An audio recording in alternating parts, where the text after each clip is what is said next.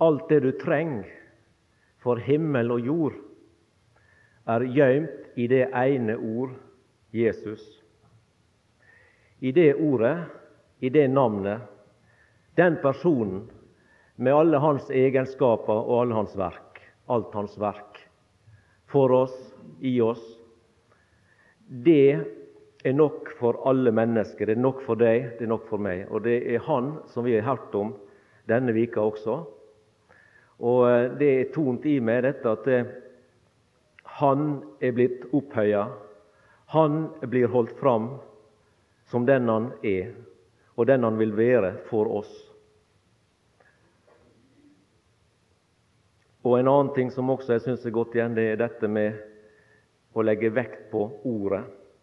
At det er ordet som må få makt i våre liv. Det er ordet eh, som frelser. Det ordet. Jesus er jo ordet. Og eh, Jeg vil gjerne bruke noen minutter i kveld til å lese litt fra Johannes evangeliet. Det ble lest for, for oss som var på formiddagsmøtet i Åkra bedehus sist søndag. så ble det lest der, Men det gjør ingenting. Det er en som har et vitnesbyrd om den Herre Jesus, et godt vitnesbyrd, som jeg håper alle vi som er her inne, også kan si som vårt vitnesbyrd til og om Han. Er Johannes evangeliet, det sjette kapittel, og fra vers 66 til og med vers 71. Derfor drog mange av hans disipler seg tilbake og gikk ikke lenger omkring med ham.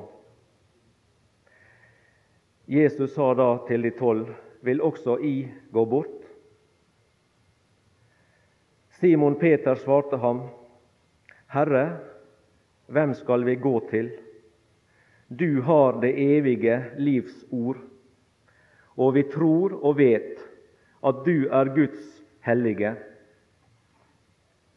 Jesus svarte dem, har ikke jeg utvalgt eder tolv, og en av eder er en djevel. Men han talte om Judas, Simon Iskariots sønn, for det var han som skulle forråde ham, enda han var en av de tolv.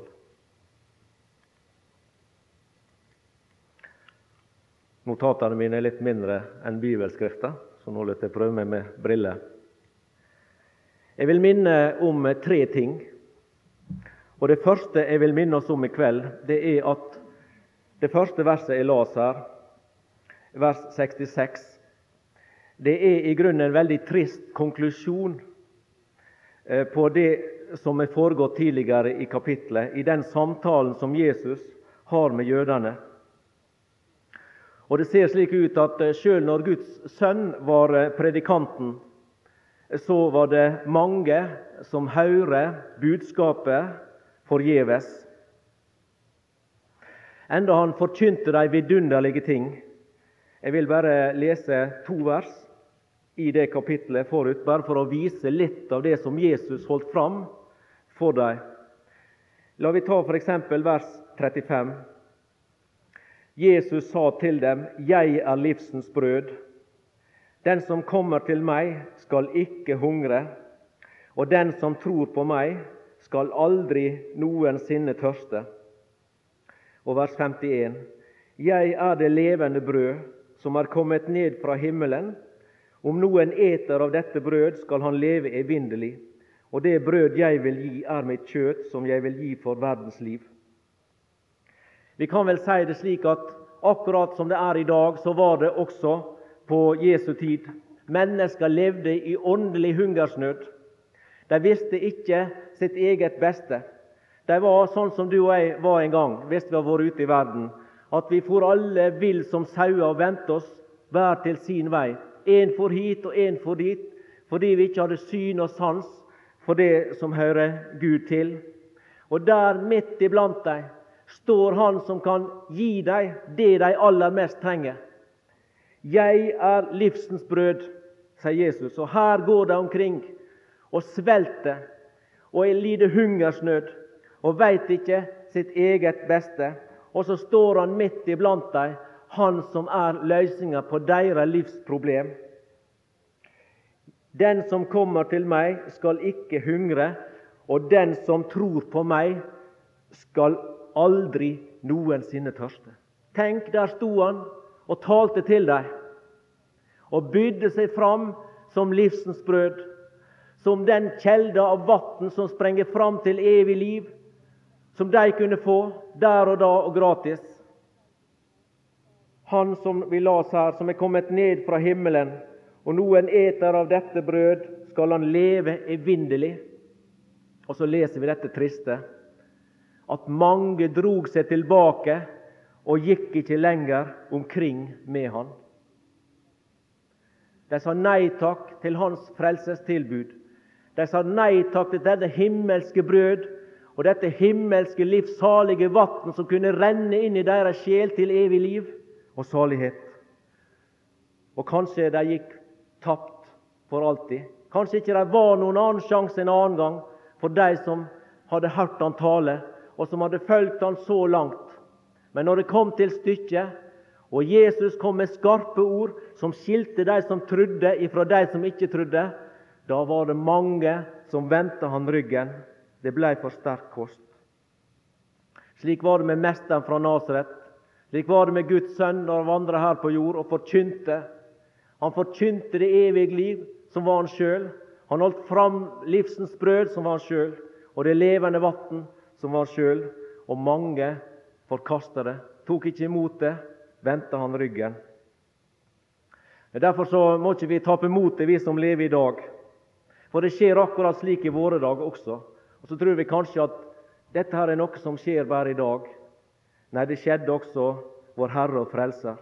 Og det skjer i dag også dette at mennesker som er med i, i flokken, som går med oss, og som vi regner som en av våre troessøsken, så viser det seg kortere eller lengre tid, så er de vekke. Så forsvinner de, så trekker de seg tilbake, og så finner vi dem igjen ute i verden. Det er, ofte, det er ikke alltid at det, det som blir sådd, feller i god jord og gir hundrefold. I Matteus evangeliet, i det 13. kapittel, der vil jeg lese om det som falt på steingrunn. Der står det om Men det som ble sådd på stengrunn, det er vers 20 i Matteus 13. Men det, den som ble sådd på stengrunn, det er den som hører ordet og straks tar imot det med glede. Men han har ikke rot i seg og holder bare ut til en tid. Blir det trengsel eller forfølgelse for ordets skyld, da tar han straks anstøt. Og i Lukas evangelium om det tilsvarende, Lukas 8, vers 13. Lukas 8, 13. De på stengrunn er de som tar imot ordet med glede når de hører det, men de har ikke rot. De tror til en tid, og i prøvelsens stund faller de fra. Tar imot det med glede. Det er sånt som vi legger merke til, kanskje spesielt i i det som vi kaller for vekkelsestider, når det er liv og røre. Og eh, ikke bare ånden vekkes, men også sjela vekkes. Og som kan føre til at eh, mange i, i, dette miljøet, og den brusen og den ja, Jeg skal ikke si rusen, men iallfall det som oppstår der, så er ikke det alltid at eh, det som skjer, er ekte. Og Da kan det virke slik at mange kan ta imot ordet med glede, men så, etter en tid, når det stilner, når hverdagen melder seg, så viser det seg at eh, det, det hadde ikke livskraft. Det er ikke nok å være ei etterligning uten liv. Det må være ekte. Det må være født av Gud. Og det som er født av Gud, det er liv, og det holder. Der er et, eh, et avsnitt i Matteus 7 som jeg syns er, er, veldig alvorlig hver gang jeg leser det. Og Jeg skal ta og lese det nå også. Når det gjelder akkurat denne tanken her, dette med ekte og uekte Det er noe som eh, en bør eh, vekke et, til ettertanke for en og hver. Matteus 7, fra vers 21. Ikke enhver som sier til meg, Herre, Herre, skal komme inn i himlenes rike, men den som gjør min Faders, himmelske Faders vilje. Mange skal si til meg på hin dag, Herre, Herre, har vi ikke talt profetisk ved ditt navn og utdrevet onde ånder ved ditt navn og gjort mange kraftige gjerninger ved ditt navn? Og da skal jeg vitne for dem, jeg har aldri kjent eder, vik bort fra meg, I som gjorde urett. Johannes evangeliet vet vi der står at det, 'jeg kjenner mine', og 'mine kjenner meg'. Og Her er det mange store her som vil oppleve det at Jesus vil si det til dem. 'Jeg har aldri kjent dere'. Og Når han kan si det, så betyr det at de aldri har vært hans. For han kjenner sine til enhver tid. Herrens faste grunn vår står og har dette segl Herren kjenner sine. Men her er det ei stor gruppe som har gjort undergjerninger i Hans navn, drevet ut onde ånder i Hans navn osv. Og så likevel får det vitnesbyrd av den Herre Jesus 'Jeg har aldri kjent dere. Dere har aldri vært mine.' Så Det betyr, og det er veldig alvorlig å tenke på, at et menneske kan leve så likt det å være en kristen at alle tror at en er det, og så er en det likevel ikke. Etterligningene kan være nokså lik det ekte. Og Noen av grunnene til det er selvfølgelig at det, det ekte dessverre tar ofte preg av denne verdens ting, slik at en ikke lever opp til den stand og verdighet som vi skulle som Guds barn. Det er ikke alt som glitrer, som er gull. Det vet vi. Det er mange ting som glitrer i denne verden, som ser så prektig ut, og som ser så veldig tillokkende ut. Og så får vi lyst til å prøve det, men så viser det seg at det var ikke gull. Det var ikke edle ting, det var ikke verdifullt. Tvert imot. Det var noe som førte til skade og til skam, og kanskje vi angrer på det i årevis etterpå. Det ekte, det er av Gud, og det uekte er av verden. Og det som er uekte, og som er av verden, det vil før eller seinere avsløre seg. Som vi hører i forrige time, at det som er av verden, det verslige, det jordiske, det sanselige, det skal forgå.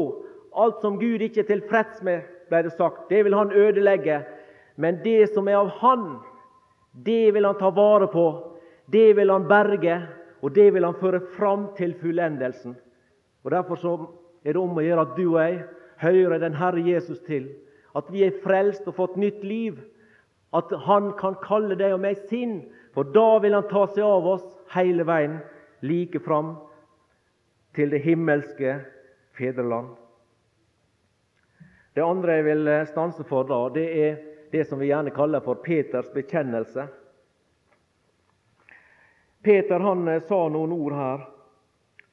Herre, hvem skal vi gå til? Og så sa han, du har det evige livs ord, og vi tror og vet at du er Guds hellige.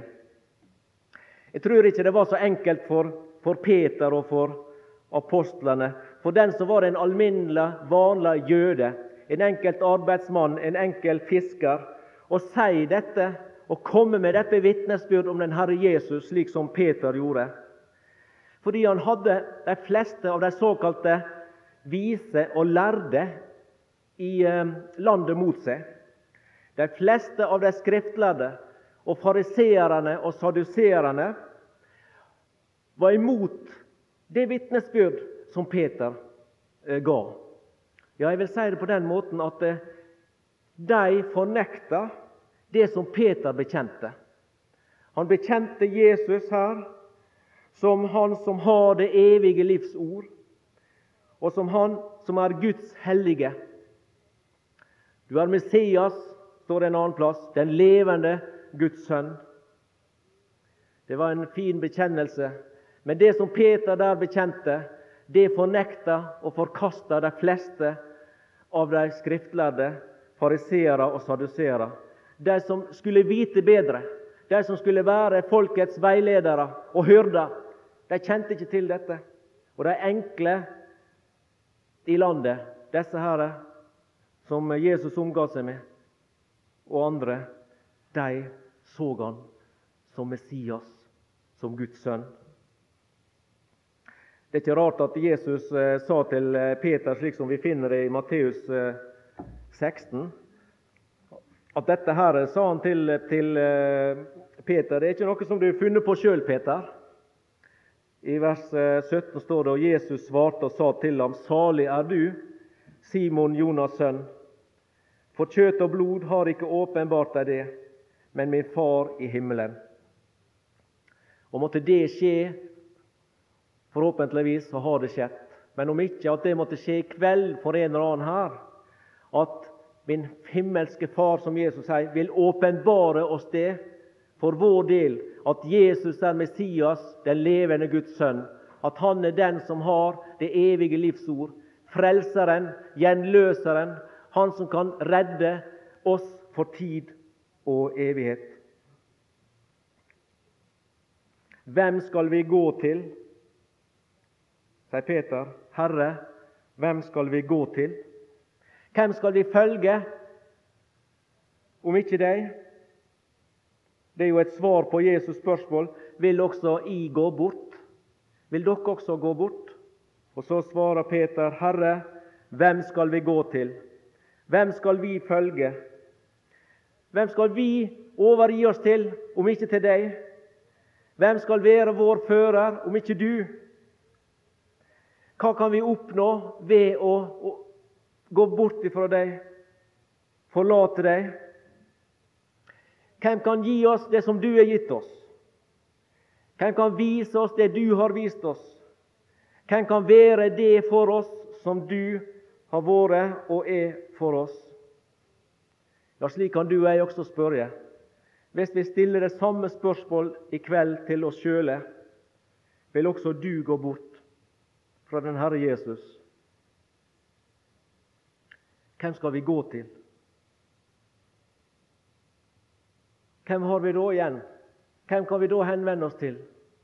Hva har andre som ikke Han har gitt oss? Og Særlig når vi kommer i situasjoner der vi er utsatt for prøvelser og motganger og sånn, så kan det være greit å tenke denne tanken om ikke jeg har Jesus, skulle jeg vende meg bort fra han. Hva er da alternativet? På tross av mine problem, på tross av mine vansker, på tross av mine lidelser og prøvelser, hva har jeg da som alternativ til Han? Hvor hen i verden finner en slik fred som hos Han? Hvor hen i verden finnes det et slikt håp? Hvor hen finnes ei slik tru? Hvor hen finnes ei slik kjærlighet som hos den Herre Jesus? Og Jeg tror at vi alle sammen kommer til det punktet der vi må si oss enig med sangeren når han uttrykker det slik. O Herre, til hvem skulle vi da gå hen? Du har jo det evige livet. Kun du bærer navnet som synderes venn. Kun du har ditt livsblod oss givet. O Herre, til hvem skulle vi da gå hen når sorgene fyller vårt hjerte, når det ikke det finnes en eneste venn som makter å lindre vår smerte, hvor godt da å fly til din åpnede favn. Du lindrer hver smerte og stiller hvert savn. Ja, slik er den Herre Jesus. Sånn har vel du også opplevd Han i ditt liv. Og Når du stiller deg det spørsmålet vil også du gå bort. Herre, til hvem skulle jeg da gå hen? Du har jo det evige livet. Og tenk deg om. Du som er et Guds barn i dag, og som har levd en tid av ditt liv ute i verden. Jeg fant et sang her som jeg syns eh, sier dette her ganske fint. En ser seg tilbake til sitt tidligere liv, og så sier sangeren En gang jeg vandret i synden som trell. Var det noe til liv? Å vandre i synden som trell. Sterk var den lenke som bandt meg. Det var denne verdens lenke, det var syndens og Satans lenke som bandt meg ute i verden, bort ifra den Herre Jesus, der vandret i synden som trell. Nå, nå er det noe annet. Nå er det en ny situasjon. Nå lever jeg som et Guds barn i fellesskap med den Herre Jesus. Nå er jeg fri, for Gud frelste min sjel. Jesus han søkte og fant meg. Den gang da jeg levde som ufrelst, den gang jeg vandret i mørke og tvil, ja, var det noe til liv? Er det noe å tenke seg tilbake til? Noe som vi vil snu ryggen til den Herre Jesus og tilbake igjen til det? Til mørke og tvil. Var jeg forlatt og elendig? Nå, som en frelst synder, i samfunn med Han, nå er jeg frelst, jeg nå farer ei vil, Jesus meg elsker uendelig. Nå er jeg glad, for Han er meg så nær, Han meg veileder så kjærlig. Han er mitt alt, jeg behøver ei mer, Han er meg helt uunnværlig. Herren skje takk, Han mitt liv og mitt lys, leve jeg vil til Hans ære. Jeg vil forkynne for andre Hans pris, elske Ham mere og mere. Jesus han er den person, den frelser og den venn som jeg trenger, og som du trenger. I Nehemias bok står der en del av et vers som jeg gjerne vil lese. Og Det står i en sammenheng der det blir minnet om israelsfolket, Herrens folk, som var gjenstridige, og som knurra imot Herren, og som var ulydige. De gjorde det ene etter det andre som var imot Guds vilje og i Guds råd.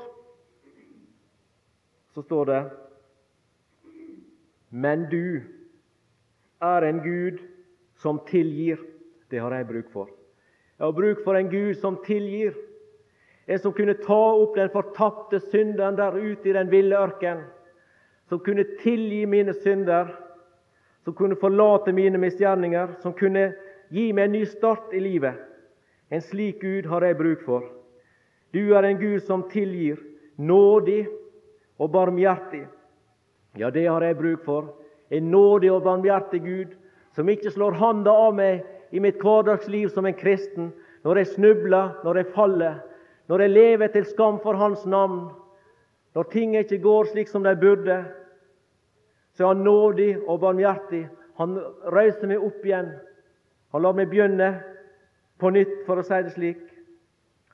Langmodig og rik på miskunnhet. Og du forlot dem ikke. En slik Gud er det jeg har bruk for. En Gud som er like tålmodig med meg, ja, mer tålmodig enn en jordisk far og mor.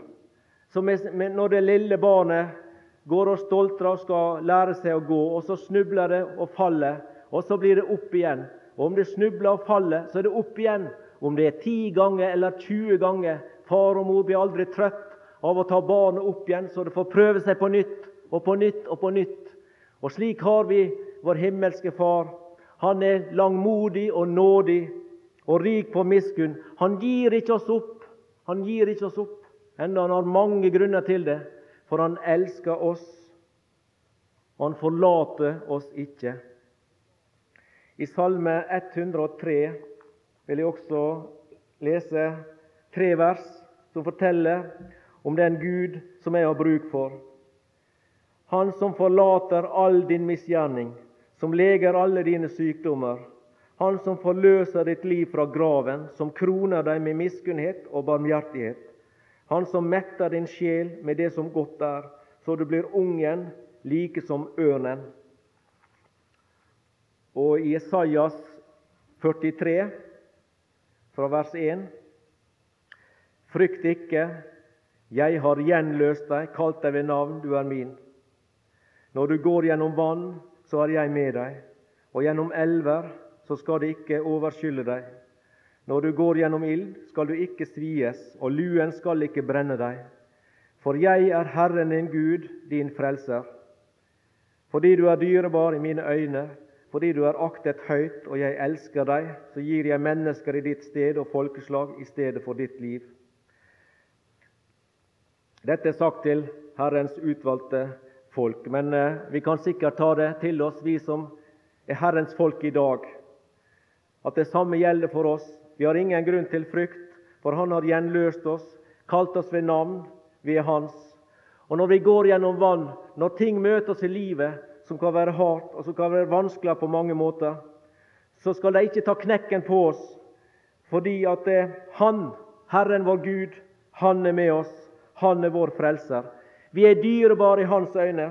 Vi er akta høyt i Hans øyne, for Han, han elsker oss og har bevist det ved å gi oss sin envårne sønn til død, til Golgata, til forbannelsens død på Golgata kors. Så Gud han viste at han elsker oss ved at eh, Jesus Kristus døde der på korset. Og han viste at han godtok Golgata-verket ved å i triumf fører han opp fra de døde på den tredje dag. Slik er Gud, og en slik Gud har jeg bruk for. Kanskje noe av disse tingene her rant gjennom tanken på Peter. Han kjente jo de gammeltestamentlige skriftene. Og han bekjente Jesus som Guds Messias, som Han som har det evige livs ord. Og så sier han Så tenkte han han er jo den Gud jeg har bruk for. Det han jeg trenger aller mest. Herre, hvem skal vi gå til? Han så ikke noe alternativ. Hvem skal vi gå til? Det er ingen. Enten Jesus Kristus, frelseren fra Golgata, eller så hva som helst. Da betyr resten ingenting. For da er alt annet det er fortapelse. Alt annet er bare dum og død og elendighet. Kristus, det er livet. Uten Kristus evig dum og død. Derfor er det om å gjøre at du og jeg kommer i livsforbindelse med denne Gud. Og denne frelser kommer i livsforbindelse med Han. At vi tar imot Hans frelsesverk, Hans fullbrakte verk, og at det blir vårt. Alle de som tok imot Han, de ga Han rett til å bli Guds barn. De som tror på Hans navn. Ja, det er en frelser å leve sammen med. Det er en Gud å ha som sin Gud. Denne Gud som er nådig og barmhjertig og full av miskunnhet. Som går med oss gjennom motgangen, som går med oss gjennom prøvelsen, og er med oss alle dager inntil verdens ende. Det siste jeg vil da minne oss om i kveld, det er i grunnen alvorlig. Og hadde med litt av det jeg sa helt til eh, i begynnelsen også. Dette med at eh, det siste verset her, vers 70 og 71. Jesus svarte dem, har jeg ikke jeg utvalgt eder tolv, og en av eder er en djevel? Men han talte om Judas, Simon Iskariots sønn, for det var han som skulle forråde ham, enda han var en av de tolv. Enda han var en av de tolv. Nå vet vi at det var noe spesielt med Judas, det skal ikke jeg si noe om. Men jeg vil bruke dette som et bilde og illustrasjon på at eh, å ha religiøse privilegier, det er ikke nok til frelse. Og det Med det mener jeg at det, Judas han levde nær Jesus. Han var en av de tolv. Han hadde opplevd mange ting. Han hadde sett Jesu underverk. Han hadde hørt Jesus sine taler gjennom disse tre åra. Han vandra sammen med Peter, og Jakob og Johannes og de andre apostlene. Og hadde forretter og privilegier som de fleste mennesker i Jødeland ikke hadde. Og likevel, enda han var en av de tolv, så ble ikke han frelst. Og Det går også an i våre dager å være en av de tolv, for å si det slik. Vi kan være med i flokken. Vi kan være med i det kristne arbeidet. Vi kan være med og gå på møte synge i koret osv. Men vi må ikke lure oss sjøl og leve kristelig og høre Guds ord, gi til misjon alle disse tingene her. Det frelser ingen. Det gjør ikke et menneske til kristen, det. Judas var en av de tolv, men han ble ikke frelst. Det hadde sine spesielle grunner som jeg skal la ligge. Men la vi ta det som et alvorsord til oss at det må bli liv. Det må bli en fødsel. Gud må få slippe til i vårt liv med å føde oss på ny. som det ble sagt til Nikodemus. Du blir født på ny, Nikodemus. Uten at eh, du blir født på ny, så kan du ikke se Guds rike. Og det gjelder også i dag. Vi må la oss frelse. Jesus sa det på slutten av sitt jordeliv. Derfor så skal omvendelse og syndenes forlatelse forkynnes. Og det er det som blir forkynt også her. Omvendelse og syndenes forlatelse. Vi må overgi oss til den Herre Jesus. Vi må gi opp vår eventuelle motstand og la Han få slippe til i våre liv. Det er bare nåden, Guds nåde i Kristus, som frelser. Av nåde er dere frelst ved tru, og det er ikke av dere sjøl. Det er Guds gave. Det er Guds gave. Frelsa er fullbrakt. Han vil gi den som gave. Jesus vil gi nåde. Vil vi ta imot? Amen.